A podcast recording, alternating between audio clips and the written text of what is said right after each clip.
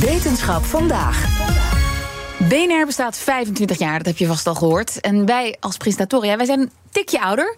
Maar dat uh, maakt het een goed moment voor wat reflectie. Want kan ik als mens nog verbeteren? Ja, moet je niet thuis vragen bij mij, maar goed. Maar zijn er misschien nog negatieve patronen die doorbroken kunnen en moeten worden? Wetenschapsredacteur Carlijn Meinders, ja, jij gaat ons daar gelukkig bij helpen. Ja, ik ben natuurlijk geen uh, therapeut, maar ik ga mijn best doen. Uh, er is namelijk net een nieuw boek uit. Doorbreek je patronen in vijf stappen. Van klinisch psycholoog Hanny van Genderen. Oh, klinkt al heel erg als een zelfhulpboek. Ja, je kan het inderdaad gebruiken voor jezelf, maar je kunt het ook samen met een therapeut uh, doornemen. Het zal ook niet voor iedereen alles oplossen, maar het laat je in ieder geval even stilstaan bij die patronen en hoe je ermee aan de slag kunt. Dus eerst even aan jullie de vraag: uh, hebben jullie een hardnekkig negatief patroon waarvan je denkt daar moet ik echt nog een keer iets aan doen, Kees? Nou, ja, mijn tijdmanagement is niet zo heel goed. Uh, waardoor ik als ik een afspraak heb met vrienden altijd wel denk... ik kan daarvoor nog wat doen. Waardoor mijn vrienden me nu Kees kwartiertje noemen. Omdat ik eigenlijk altijd een kwartier te oh, laat Daar zou ik eigenlijk best okay. goed bij kunnen aansluiten. Ja, um, nou, wat ik zelf vooral irritant vind... is dat als ik in een winkel ben en iemand drinkt heel erg voor of zo. Ja. Dat dan pas als ik mijn boodschap heb gedaan, dat ik dan bedenk, ik had dat moeten zeggen. Oh ja, Snap ja. je dat? En dat komt dus ook vaker voor. Het zit je Ja. vaker in de weg. zeg Ja, maar. L'esprit de l'escalier heet dat. Oké, Roos, heb jij er nog eentje? Ik moet altijd alles opruimen voordat ik iets kan doen. Ook een hele interessante. Ja, een hele Maar is, irritante dat, ook. ja, maar is het negatief? Ik vind het eigenlijk wel gezond. Dat is heel Nou, vermoeiend. ik hoor. aan Roos dat het ook negatief Ik heb kleine kinderen, weet je wel niet Ja, wat een taak dat is. Ja, nou de boodschap van het boek is eigenlijk heel positief. Vergeet, ik ben nu eenmaal zo. Hoe oud je ook bent, je kunt er altijd nog mee aan de slag. En we kunnen nog veranderen.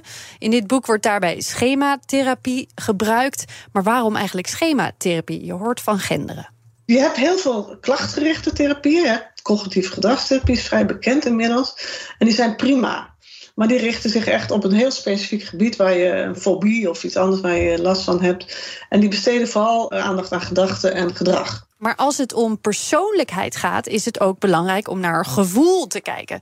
En naar waar dat dan vandaan komt. En schematherapie combineert eigenlijk dat allemaal. Oké, en is dat ook voor ons geschikt? Voor wie is die therapievorm het meest Ja, geschikt? Eigenlijk voor iedereen die belemmerd wordt echt door bepaalde niet helpende persoonlijkheidstrekken. En daardoor bijvoorbeeld te vaak te heftig reageert in sommige situaties. Of juist niet. Eh, Ja. Misschien zelfs zo erg dat je er vrienden of jezelf door verliest. Eh, maar ook mensen met echt ernstige persoonlijkheidsstoornissen. Verslaving, eetstoornissen. Ook iets als borderline.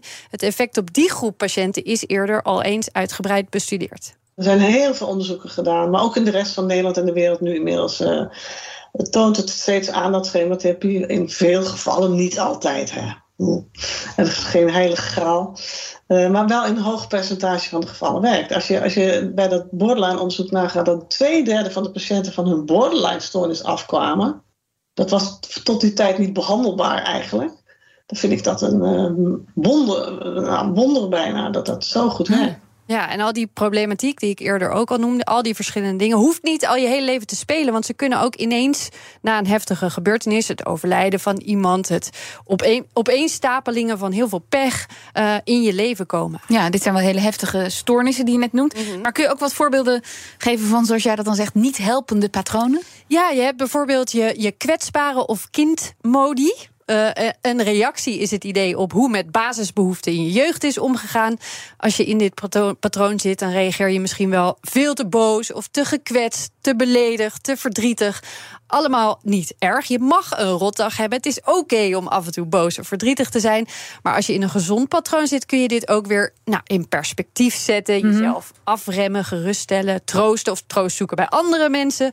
En dat lukt niet iedereen. Je hebt bijvoorbeeld ook eh, je kritische modi. Daar hebben behoorlijk wat mensen last van. Die zegt dan, eh, ja, je bent niet goed genoeg of je verdient dit niet. Je moet altijd optimaal presteren. Iedereen rekent op je. Dat is dat stemmetje. Ja, ja, ja. Maar, maar hoe helpt dit boek dan om dat te veranderen? Ja, die stappen die je al hoorde in de titel, hè, eh, die in het boek behandeld worden, die zijn er om je eerst te helpen herkennen wat je patronen zijn. Waar komen ze vandaan? Welke rol hebben ze in je dagelijks leven? Herkennen als het weer gebeurt. En dan ga je ze proberen te veranderen. Onder andere door je in te leven in die vroege ervaringen die er een rol bij spelen. En die je dan op een gezonde manier, vanuit een gezonde modus, opnieuw te doen, te herbeleven. Klinkt als hard werken. Ja, en is er dan ook een, een, een optimale leeftijd? Want ze zeggen altijd, ja, na je kindertijd of je adolescentie is het alleen maar moeilijker om te veranderen. Ik zou zeggen nee. Het kan zijn dat als je zeg maar jong volwassen bent, dat je dan denkt, nou, dat komt nog wel goed. Ja. Dat je een beetje te optimistisch nog bent daarin. Uh, maar er is in ieder geval geen leeftijdslimiet. Het is zelfs zo dat Van Genderen en collega's zeggen: kan er please wat meer aandacht komen voor therapie op latere leeftijd? Ik heb een supervisant een keer gehad, die had een non van 80 in behandeling. Super schematherapie. Heeft nog een heleboel uit haar jeugd verwerkt. Is er echt gelukkig op geworden. Nou, ik weet niet hoe oud die mevrouw geworden is. Maar laten we zeggen dat ze 90 geworden is, toch nog. Ze is heel gezond namelijk in de klooster zitten. Dan is er nog 10 jaar dat pas uit van. Nou, dan hebben we nog even. Ja, ja. het is nooit te laat. Nee, ik kan nog 40 jaar te laat komen. Dat is toch wel prettig. Ja, of je nee, begint. Of, ja, precies. Dankjewel, Carlijn Meinders. Rendement tot wel 8%. Ontdek Unity. Wij bieden koppelbare werk, kantoor en opslagruimtes die staan voor duurzaamheid, kwaliteit en veelzijdigheid. Sluit je aan bij Unity, waar alle ruimte is voor creativiteit, lef en rendement. Kijk voor meer informatie op unity-units.nl.